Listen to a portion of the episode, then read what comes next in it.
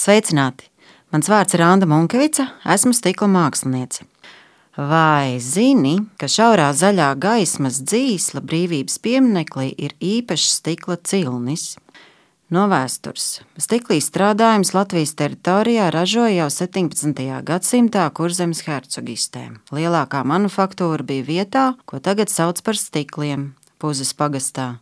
Tur ražoja stikla traukus, logu stiklus un spoguļus, ko eksportēja uz Eiropu. Apkārtējie meži un smilšu pieejamība bija tie priekšnosacījumi, kas attīstīja stikla ražošanu arī Latvijas teritorijā. Visas augstās temperatūras ražošanas vajadzībām tika nodrošināts dedzinot apkārtējos kokus. Rīgā viena no pirmajām ir 1884. gadā dibinātā stikla fabrika Ilģu ciemā, kur ražoja lieliskus traukus, vēlāk krāsainus un ar dziļiem gravējumiem. Trīs gadus vēlāk tika izveidota arī Līvānu stikla rūpnīca, sākotnēji Līvenhofas stikla fabrika, kur ražoja stikla pudeles, traukus, lampas, gaismekļus, stiklus, arī gaismas plafonus, vilcieniem, tramvajiem, dažādus medicīniskus un tehniskus stiklus. Tieši Līvānu stikla fabrika ir tā, kur ir izgatavoti speciāli prizmveidīgi ciļņi, no tonēta zaļā stikla, kas ievietoti vertikāli visa brīvības pieminekļa vertikālās būves garumā. Tie lauž un veido gaismas mūžīgo strēli virzienā uz augšu un priecē mūs vēl šodien. 1927. gadā darbu sāka Grīziņkalna stikla rūpnīca. Tās sākotnējais nosaukums Fēniks. Te ražoja pienu un alkoholisko dzērienu pudeles. Vēlāk produkcijas sortiments paplašinājās. Te sāka ražot glāzes, īpaši estētiski skaisti bija gaismas plafoni, radīti pagājušā gadsimta beigās. Pēc otrā pasaules kara tika atjaunota un modernizēta Ilģu ciema fabrika. Tās nosaukums mainīts uz Rīgas stikls. 60. gados tika izveidota Rīgas stikla un spoguļu rūpnīca, kur ražoja dažādu veidu spoguļus un eglīšu rotājumus.